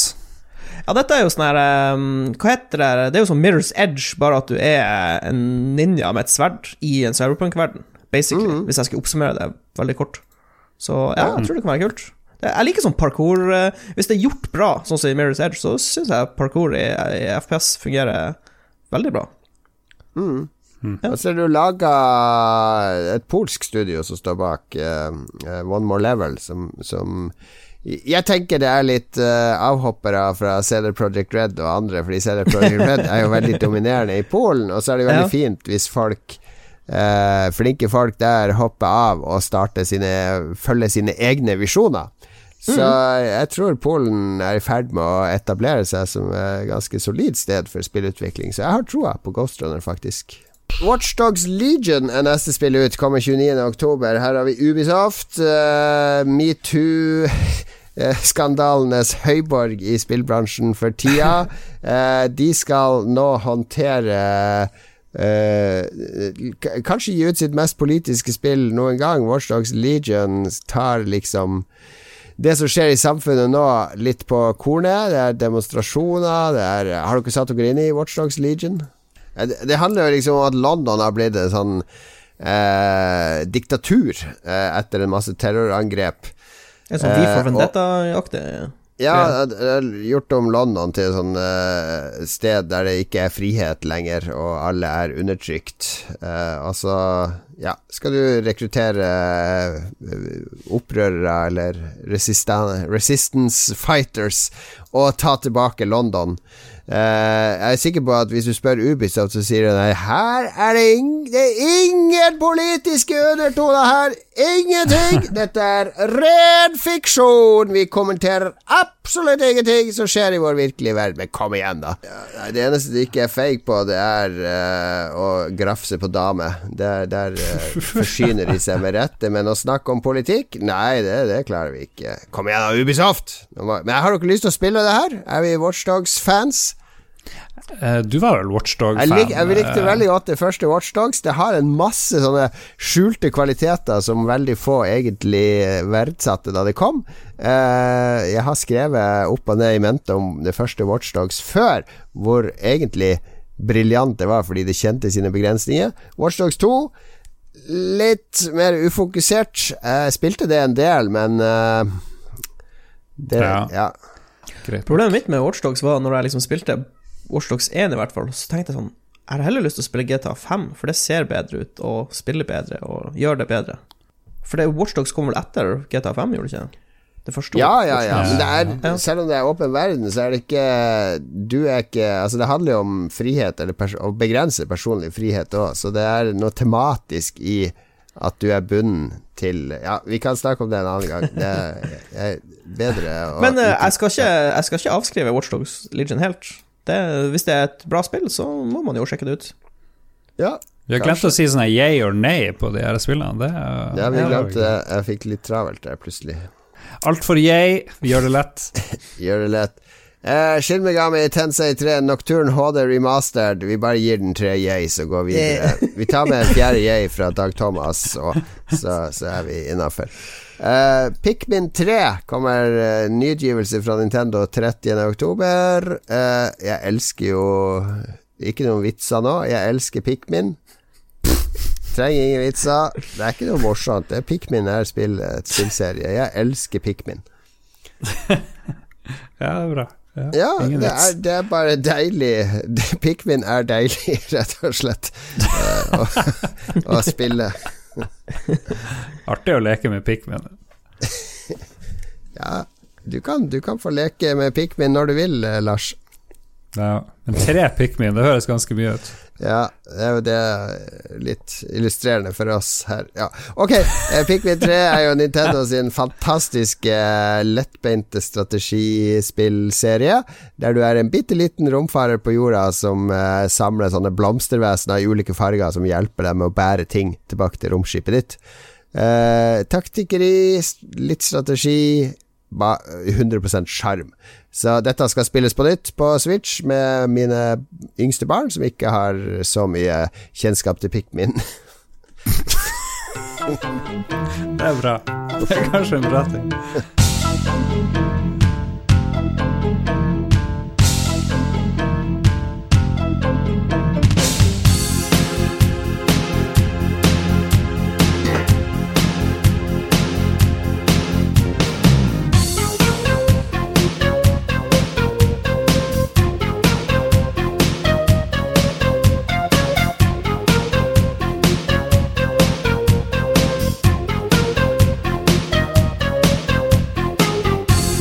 Da har vi kommet til ukas anbefaling her i Lolbua, der vi anbefaler noe som eh, skal gjøre ditt liv eller din hverdag, eller gi deg et avbrekk i din hverdag, rett og slett. Positiv inspirasjon. Det er bare å kjøre på. Jeg har den beste anbefalinga, ingen tvil. Ja, ja, ja det, kan du jo begynne. Kan du begynne. Jeg hadde jo frykta at det skulle bli en restaurant et eller annet sted. Du har vært ute på tur, nemlig, Lars. Ja, hadde fri mandag og tirsdag i forrige uke, og da dro jeg med kjæresten til Lofoten. Juhu! Der har jeg funnet ut Jeg har aldri kjørt sjøl fra Harstad til Lofoten, men det tar jo bare to og en halv time. Så Ja. er det jo boom midt Eh, i kanskje tunnelene fineste Lofast, Lofast, Lofast. Ja, ja, ja, ja. Så det er jo magisk. Eh, og det er jo kanskje et av de fineste stedene i Norge, eller det må nesten være det. Ja. Uansett hvor du drar og kjører. Fjellene er litt annerledes. Fjellene er litt mer vill og gal, og det er holmer, og det er små tettsteder, og det er dritfint. Så for først ut i Svolvær. Eh, gikk en tur opp mot den der geita, eller hva det heter. Det er jo en sånn kjent Alle på 71 grader nord må klatre opp til den der eh, jævla geita der. År ja. Ja, og det er kult. Der har de lagd en sånn skjerpatrapp som nesten er ferdig, men du må få klatre litt og styre litt, så det er en sånn mini-anbefaling. Gå der. Kjempe, kjempekult. Men så for vi dagen etterpå ut i Henningsvær, som er et sånn lite fiskevær og tettsted eh, liksom på sørspissen av en øy der nede. Og det er bare, bare en halvtimes kjøretur fra Svolvær. Og det er så fint, det er så idyllisk. Ta og Google Henningsvær. Bare, det er liksom sånn folk i utlandet sikkert tror hele Norge er. Det er sånn klisjeen av hvordan norsk natur og fjord og fine, sånne rolige fiskevær er. Og det, det er så rart, fordi alle gjerder er ordna. Alle husene, nesten uten unntak, er sånn pen. Det er ikke sånn forfall som du kanskje var vant til før. Jeg lurer på om de har shina opp litt eh, ekstra, for det er vel en sånn turistdestinasjon. De må jo tjene dritmye penger. Ja. eh, Ja, tipper. jeg. Så alt ser bare smashing ut. Og så har de verdens kuleste fotballbane. Helt ytterst på en holme er det en sånn her uh, liten fotballbane. Ja. jeg tipper mange har Ja. sett bilder av den banen uten å vite at det er Henningsvær de ser på. Ja, det er helt, det er helt sykt. Og det er masse turister Masse selvfølgelig små der. butikker og Ja, søte små butikker. Og det er ingen sånne svære sånn, Det er ikke noe Thon hotell lagd stygt, liksom. Alt er, er virkelig sånn originalt og fresht og gammeldags, bare litt sånn med nytt strøk maling og litt sånne ting. Så en svær havn, svær, svær, svær havn innover med hus på begge sider av en sånn liten eh, vannflekk hvor det er fiskebåter, og du kan være med ut og fiske hvis du vil, og det er restauranter der. Og, eh, vi var der på tirsdag, og da var nesten alt stengt. Det det var bare noen klatreturister og litt sånne ting, og det var én restaurant åpen, og det var stappfull, så vi gidda ikke fære inn dit pga. coronas. Eh, så, så Men jeg gikk bare rundt der en par timer og bare kjente at sjela fikk eh, fred og ro, og det var magisk. Google Henningsvær med en gang. Eh, jeg tror de har 500 innbyggere, noe sånt, det lille stedet. Men har de Ja. lyst på så mange turister?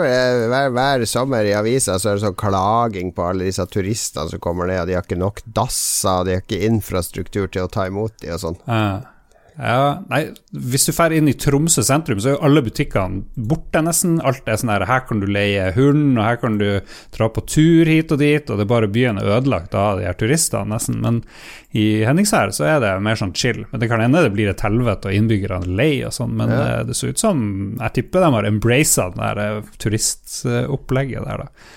Men en annen ting òg er jo at du, hvis du skal ut i Lofoten der, skal du te kaste en seksterning. Så hvis du får seks, så får du det været som du hadde på den turen. Men eh, Mm. de fleste får én til fem. Det bløs, det er skyer, det regner litt. eh, det er litt guffent, tåkete. Ja. Hvis du ser livekamera fra Henningsvær nå, du kan knapt se fjellene.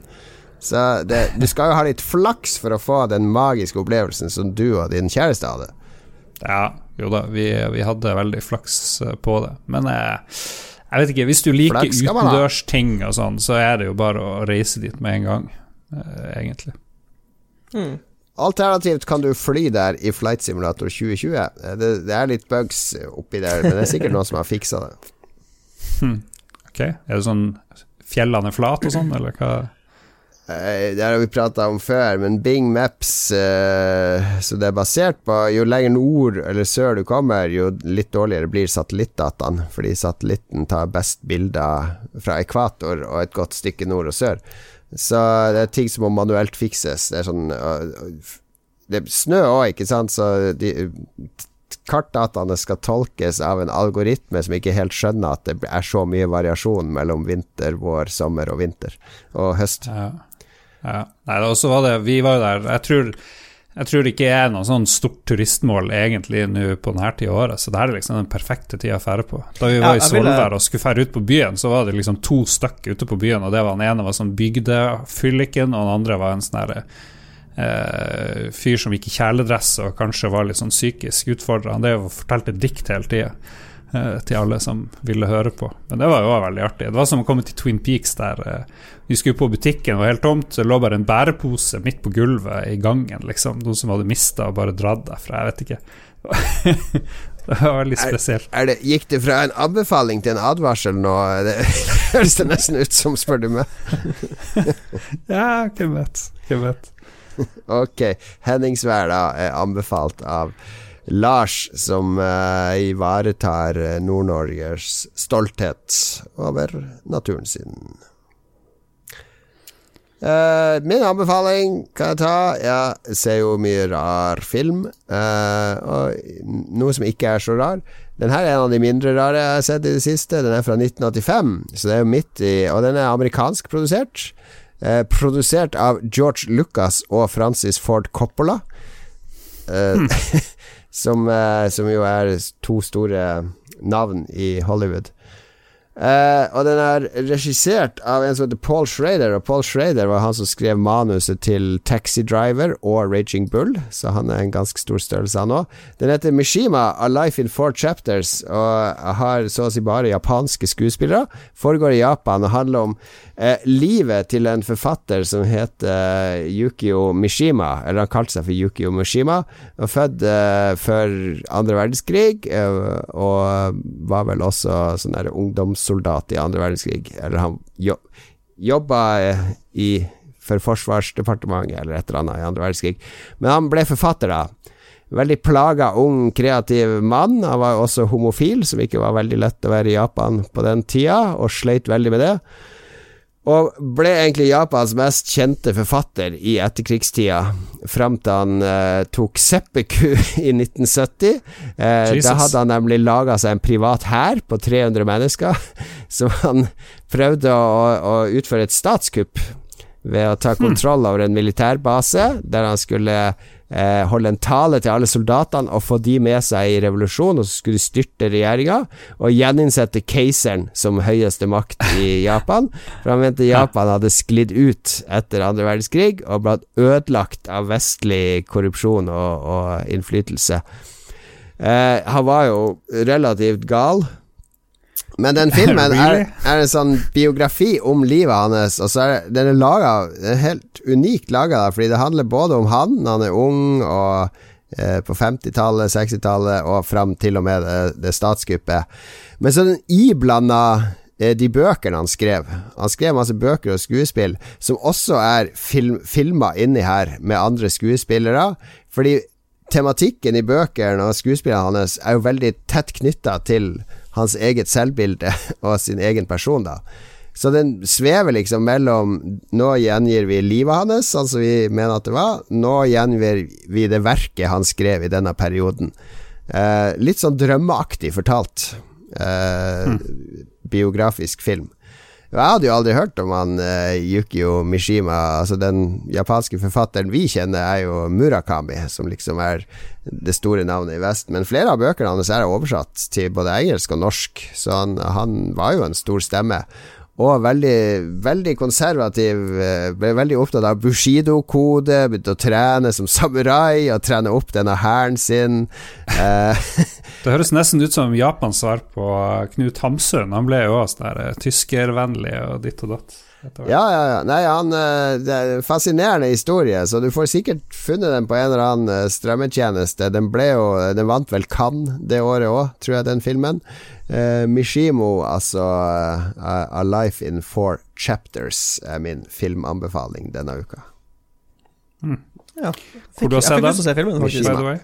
Det, jeg har sett den på Criterion Channel, men jeg tror den er tilgjengelig andre steder òg. Ja. Okay. Jeg har også ei filmanbefaling, faktisk. For en gangs skyld. Det er ikke en sportsdokumentar. Noter ned. Mats anbefaler noe annet enn en sportsdokumentar. Oi, oi, oi. oi, oi, oi. Uh, dette er en film jeg så for en stund siden. Uh, og det som er spesielt, er at du kan enten se filmen, eller så kan du se miniserien som de har klippa opp filmen til uh, på Netflix. den heter The Unknown Soldier, eller Tuntematon Sotilas, som det heter hvis du drar til Finland. Yeah. det er en krigsfilm fra andre verdenskrig som er basert på ei bok av samme navn, eh, og handler om et enkelt og greit et maskingeværkompani under fortsettelseskrigen, eller The Continuation War. Fordi jeg tror når folk hører Finland og andre verdenskrig, så tenker de på vinterkrigen. Men vinterkrigen var egentlig bare en sånn kort, liten sak i 1939 og 1940, som var ganske fort over. Mens mm.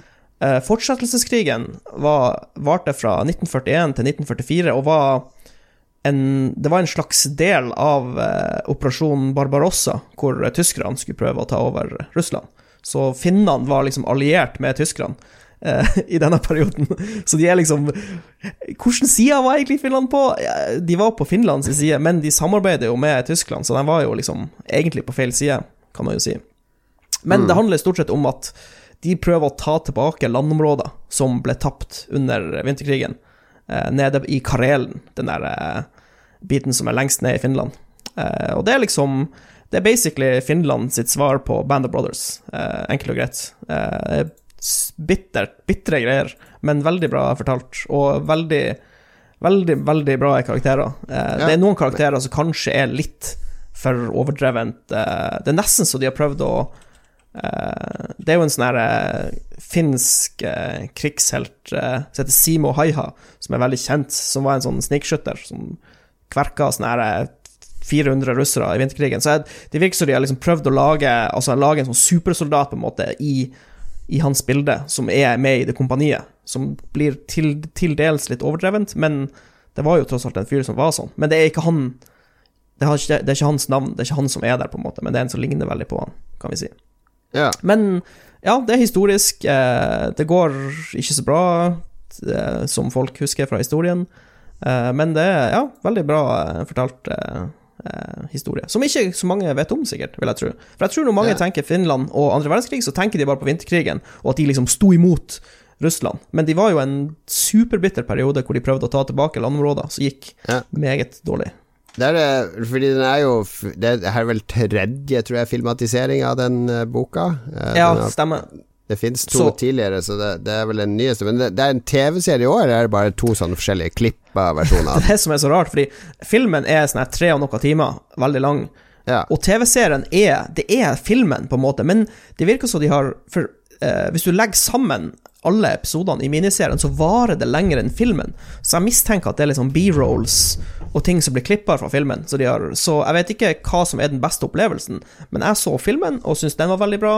Og så Ja. så at det var på Netflix. Eh, miniserien er på Netflix, så jeg vil tro at det er ikke noe dårligere enn filmen. Det nekter jeg å tro. Nei. Så om du ser filmen eller om du ser serien, så tror jeg du får omtrent den samme opplevelsen. Det er jeg ganske sikker på.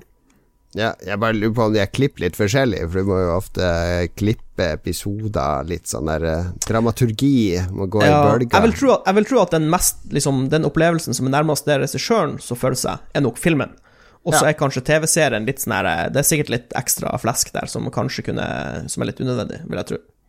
Good to know. Det er mye sportsdokumentarer og krigsfilm eh, nå, Mats. Jeg syns du skal prøve å se en, en romcom. Uh, Ja. Som du kan snakke ja, Det må jo være noe du kan anbefale. Så det kan jo være at du må se litt, veldig mange romcoms og hate deg gjennom før du endelig finner en du kan anbefale. Ja, nei, altså Jeg, jeg, ser, jeg ser ikke bare krigsfilmer, men det er kanskje det som blir anbefalt. Ja. Ja, Jeg elsker krigsfilm sjøl, så det skjønner jeg godt. Ja. Ok, Lars. Du ble så mutt og stum her. Ja, jeg kom på jeg var på krigsmuseum, eller eh, det var en stor krigsutstilling på et museum i Rovaniemi da jeg var der, og da var det en del om den vinterkrigen og sikkert den fortsettelseskrigen. Ja. Så det, det var ganske bitre tilstander i Finland, det var det. Så Ja. Er ikke verdens beste snikskyter, er ikke han finsk fra vinterkrigen? Jo, det er han der? Simo Haiha. Ja, han som var Han er 500 kills, eller noe sånt. Ja. Han brukte å snø, putte, fylle munnen sin med snø, så de ikke skulle se pusten hans når han lå begravd i snøgrotta si. brukte han ikke, han brukte ikke kikkertsikte, han brukte bare jernsikte. Ja, Han var old, old school. Old school. han, Vi er jo alle, vi har jo alle finske gener, har vi ikke det? Ja, vi vi alle vi har Ja, nettopp. Ja. Vi må, må ta en tur dit snart eh, og se Ja. oss rundt. Det var jævlig artig å være der. Det er på lista. på lista.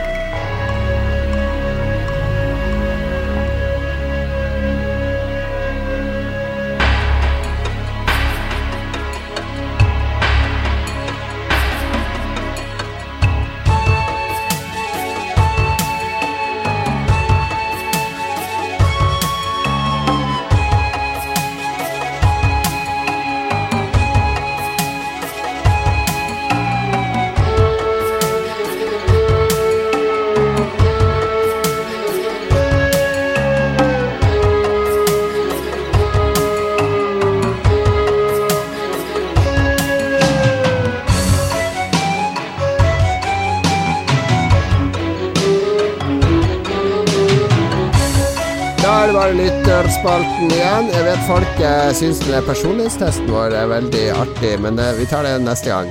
Eh, neste episode blir det både gullbua og personlighetstest. Gullbua er der tilbake.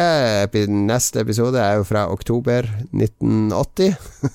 Så det blir spennende å, å høre hva, hva heter de her tre karene i Harstad igjen, Lars? Leikvik og Jeg husker ikke hva Leikvik og Jens Erik og Mathias. Mathias, ja. Hør hva de har gjort uh, i oktober 1980 i Harstad, på Heggen videregående. Vi har fått veldig god respons på personlighetstestene våre, blant annet også en, en som bidrar på Patrion, har bidratt helt fra starten, som har sagt at han uh, gjerne ser at vi kjøper inn masse Starlet for Patrion-pengene, som vi kan bruke i personlighetstesten. Hvis lytterne ber om det, så adlyder jeg. Jeg elsker lytterne, det vet jo alle, og spesielt lytterne som er på Patrion. Jeg har vært i Moss og kjøpt en kasse med Starlet. Den skal jeg åpne neste uke. Skal vi trekke opp et tilfeldig Starlet og ta en uh, personlighetstest derifra. Woho! Gleder meg. Det blir bra. Uh, men nå er det lytterspørsmålene som gjenstår. Du har samla inn litt innspill fra lytterne i dag. Lars? Jebbedu, jeg spurte hva folk gleder seg til i oktober, siden vi skulle snakke om spillene i oktober, og så kunne de få lov å anbefale ting hvis de hadde noe lurt på, lytt, på hjertet. Ja, hva Eh, gleder vi oss til i oktober, da?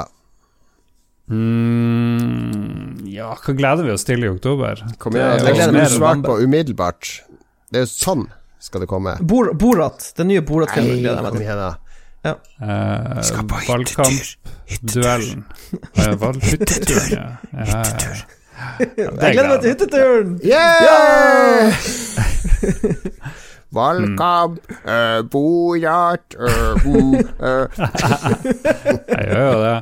Skal vi se, André Vollan gleder seg, tror han, til at han får et 3080-kort fra. Komplett, Lykke til. som har dato 22. oktober, men det blir flytta eh, til stadig vekk. Det er vel litt sånn her PlayStation 4-syndromet. Ja, det blir lengre og lengre frem Eh, i tid. Pro, ProShop, eh, som er en sånn skandinavisk eh, nettbutikk, hadde lagt ut en oversikt over hvor mange 3080-kort og 3090-kort de har bestilt fra leverandøren, hvor mange de har fått, og hvor mange er på vei, og hvor mange som kundene har bestilt. Og det var megakrise. Det var sånn her, ja, 3080 tuff, eh, det er 1080 bestillinger.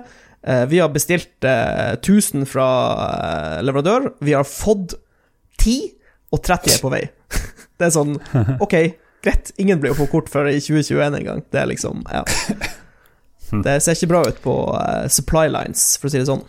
Nei, jeg er glad jeg ikke var en av de som uh, Jeg kjenner en som solgte sitt 2080 Ti-kort uh, to uker før 3080-launchen. Han bare 'Jeg klarer meg fint uten PC et par uker'. Stakkars, stakkars. Ikke smart. uff, uff. Nei da, jeg, jeg holder ut med mitt 2080 Ti-kort. Uh, jeg er er Enn så lenge så krysser jeg fingrene for at André får kortet sitt. Samme her. Helge Larsen derimot, han gleder seg til oktober er over. Eh, Det er litt stille for stormen før nye konsoller, og Cyberpunk og Assassin's Creed Valhalla kommer i november, som han gleder seg til. Ja. Ja. Lykke til med å få nye konsoller hvis du ikke har eh, Det er bestilt. Men, jeg- ja, men jeg tror det er veldig lett å få Xbox eh, Series X da i forhold til PlayStation 4. Det tror jeg skal Ja, PlayStation mye 4 er ganske lett å få, da, men PlayStation 5 blir en utfordring.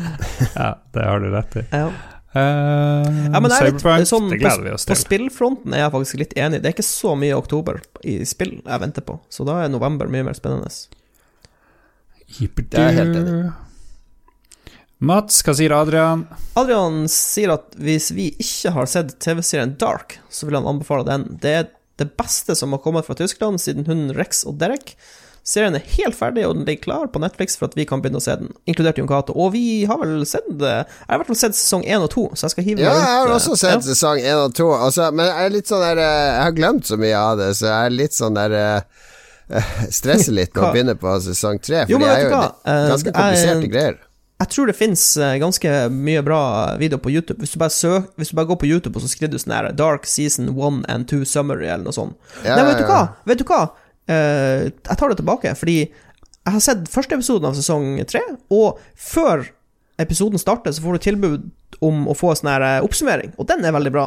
Ja, ok, Så, ja, men ja. da skal det holde. Da skal jeg tørre å begynne. Ja. Jeg, så, jeg var sjuk en uke i, i vinter, uh, tror jeg det var. Og da så jeg både sesong én og sesong to i ett, da, og det ble veldig sånn der fanga inn i det universet. Jeg liker veldig godt uh, den der uh, serien. det. er. Det er er komplisert. Mm, ok. Erik Eirik Disler Gundersen, er det et nytt navn? Disler? Disler. Han har arva Disler-formuen, tror jeg. Ja. Han anbefaler Richard Dawkins' bok 'Det egoistiske genet'. Jeg vet ikke om det er et hint til oss, eller hva det nå er, Eirik. Blir straks det- defensiv. Er ikke det tittelen på selvbiografien du holder på med, Lars? ja, det stemmer. Ja vel. Uh, Nå tipper jeg Jon Cato driver og googler den boka, hvis jeg kjenner Ja, ja, jeg har, eh, jeg har googla den jeg. Det ser absolutt interessant ut, den. Eh, en bok som makter å gjøre genteori og evolusjonsbiologi til folkelesning. Ok. Ok. Hm.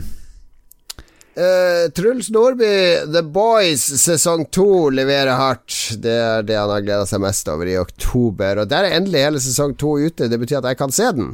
Ja, jeg så siste episoden på fredag, når den kom, og jeg er helt enig. Sesong to av The Boys fortsetter å, levere. Uten tvil. Ja. Gleder Kult, meg. det gleder jeg meg til. Gleder meg. Vegard Mudenia, Mats. Han spør om det var lurt å ta seg en tredagers. Hva det betyr Jeg tror det er tredagersfylla, tipper jeg. Oh, ja, det da. ja. Hvis ikke det er tredagers frisbeegolfturnering. Jeg vet ikke, det kan jo være kunne vært en mye ferie, ta ut tre dager Sykemelding ferie, tenkte liksom. jeg på, for du kan ta en sånn tredagers syke Ah. egenmelding. Ja, det var det jeg tenkte. Ja. Okay. Men ville han, vil han sendt inn det? Potensielt arbeidsgiveren hans hører på? Ja, ikke så Det, smart. det kan jo godt hende. Han er jo i helsevesenet, der er jo folk syke hele tida. Skyhøyt sykefravær. Men er sier, det. skal vi si at det var lurt, da? Ja jo, Du må jo leve livet nå. Eh, Fylla, lurt. Sykemelding, ikke så lurt. Hva annet av tre dager siden han kan ta? Tre dagers uh, avstand fra onani og sex. Eh, helt greit. Helt lurt, det. Ta en pause. Spirituelle i hvert fall, i hvert fall skal Lars ha en tredagers nå, tenker jeg. nå som kjæresten har dratt. Ja. Nå blir det sølibat til vi ses igjen. Det blir Oh, bra. yeah. Ok, Vegard. Eh, Kristoffer Løfstrand Han får aldri anbefalt Game Ranks nok. Det er en kanal på YouTube som laster opp Before You Buy-informasjonsvideo om spill når de kommer ut. Diverse topp ti-lister og fakta og video om spill. Og de har fast fredagsshow med nyheter. Game Ranks, er det noen som har vært borti det? Ikke vært borti. Dette må undersøkes. Det er Game Ranks med X, ikke med KS. Game da. Ranks. Ja, De har over er seks millioner subscribers. Ja, Oi. da må vi get on that ball. Get on the balls. Så har vi fått et tøysespørsmål fra Rage Quit, som spør om hvorfor Jon Cato har to personligheter. Jeg vil jo protestere og si du har minst Tolv. fem personligheter. Ja, Tolv. kanskje tolv. Jeg Det tror jeg.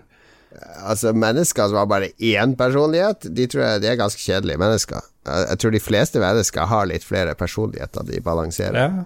Du har sånn jobb, familie, venner. Når du er ute på gata, når du er ute og er full. Da skifter jo alle personlighet, stort sett, liksom. Ja. Nei, ja, jeg har uh, Hvorfor jeg har det? det, det er, da må du lese Richard Dawkins' bok 'Det egoistiske genet', så kan du lære mer om hvordan genene gir oss flere personligheter, Ståle. Mm. Så lurer de på hva jeg har mot Xbox. Jeg har ikke noe mot Xbox. Uh, spoiler alert, jeg har forhåndsbestilt Series X. What?! Bare på gøy. Ja, jeg vet ikke, det var sånn seint på kvelden, bare ja ja, vi må jo bestille, må jo ha det, det. det er den følelsen av Det kommer masse nye konsoller grafikkort og sånne ting. eh, Så får du ikke tak i noe, så jeg må jo, jeg må jo ha et eller annet! Bare for å fø- følelsen av å få noe nytt og være med på utviklinga. Det, Det er nettopp det, så det kan hende jeg avbestiller, jeg vet ikke. Eh, helst så håper jeg å få noe fra Microsoft, det hadde vært topp. Så slipper uh, Patrion som betaler for at jeg skal ha en Xbox jeg aldri bruker. det ville jo vært trist. Eh, skal vi se Og så spør jeg om hvorfor han Mats er helt perfekt. Ja vel, du er perfekt, Mats. Ja, Ja, sånn er det. Men- Jeg tror de ønsker å rekruttere Mats til. Ragequit. jeg tar den. Sånn. Vi tar den. Jeg hørte at Dag Thomas ville tilbake. Han ville slutte i Ragequit og begynne i Lolbua. Så det er mulig vi kan få en swap. En er transfer. swap Rooney. Ja, en transfer. Uh, Ja. Når, når er transfervinduet åpent, egentlig, innen podkastverden? Det burde vært sånn transfervindu. Kan vi kjøpe noen fra, fra Rad Crew? De kjøpte jo Magnus fra oss. Han hadde jo free transfer. Valgte å gå til Men da lurer jeg på hvor, hvor mye Hva får dere for meg? Hva, hva vil dere selge meg for? Hva er liksom prisen? Ja, ja, da må vi gå litt i dialog med Ståle her. Eller det går, det går an å, gi, å, eh, å, eh, å bytte spillere på lån, har jeg hørt i fotballverden så kanskje vi kan gjøre det. Ja, det er sant, det. Ingenting er Mm. umulig. Bra. Da er vi ved veis ende. Takk til alle som sendte inn spørsmål, og takk til alle som orker å høre på oss hver eneste uke. Og vi har også noen produsenter vi må takke spesielt på Patrion. Folk som gir oss hele 50 dollar i måneden. Det er jo galskap. Galskap. Mats, hvem er produsenter? Takk til våre superåsomme produsenter TTMXMP, Kobrikar84, Rorufu, Rolf Helge Ingebrigtsen, Annebeth, Duke Jarlsberg og Jarle Pedersen. Dere er fine mennesker. Tusen takk til alle som støtter oss på Patrion generelt, og dere som hører på oss. Og hvis dere ikke har gjort det før, så kan dere gå på den der eh, iTunesen. Jeg vet ikke, Er det viktig fremdeles? Jeg bare, det er sånn refleks. Alle podkaster jeg hører på, de sier det av og til. Hvordan Ja, må dere gå og rate oss på iTunes? Hvordan gjør å og gjøre det på Spotify? Eh, ja, kanskje. Ja. Ja, Gjør det på Spotify. muligens. Ja. Mm. Rate oss på Spotify og subscribe på Spotify. Gå inn på kjæresten din sin Spotify og subscribe på Lolbua der òg. Og på mora di sin Spotify, og på far din sin Spotify, og på ungene sin Spotify. Bare subscribe og hjelp oss og like oss her og der, så, så går det opp og frem med oss her i verden. Ja, gjør det. Folk har kanskje hørt at det er noen sånne fikenreklamer nå på de her podkastene våre. Det har vi jo ikke advart noen om, egentlig, så jeg vet ikke hva vi syns om det. Yeah. Spis fiken. Spis fiken, det er bra for deg. Spis fiken, bruk fiken. Det er noen sånne regnskapsgreier, tror jeg. Å ja. Ja, Ja, ja, ja. fiken er bra. Ja. Fiken Regnskap er Fantastisk. viktig. Regnskap er roten til uh, Altså Hvis du ikke tar deg av regnskapet ditt, så havner du på luksusfellen. Det har jeg sett på TV. Så støtt fiken. Og der, nå er vi tom. Vi går på tomgang, karer, så det er bare å avslutte. Vi høres igjen om en uke. Lykke til ute på plattform. Mats, jeg gleder meg til å se deg oppe i hytta, og så videre. Takk for oss. Ha det bra.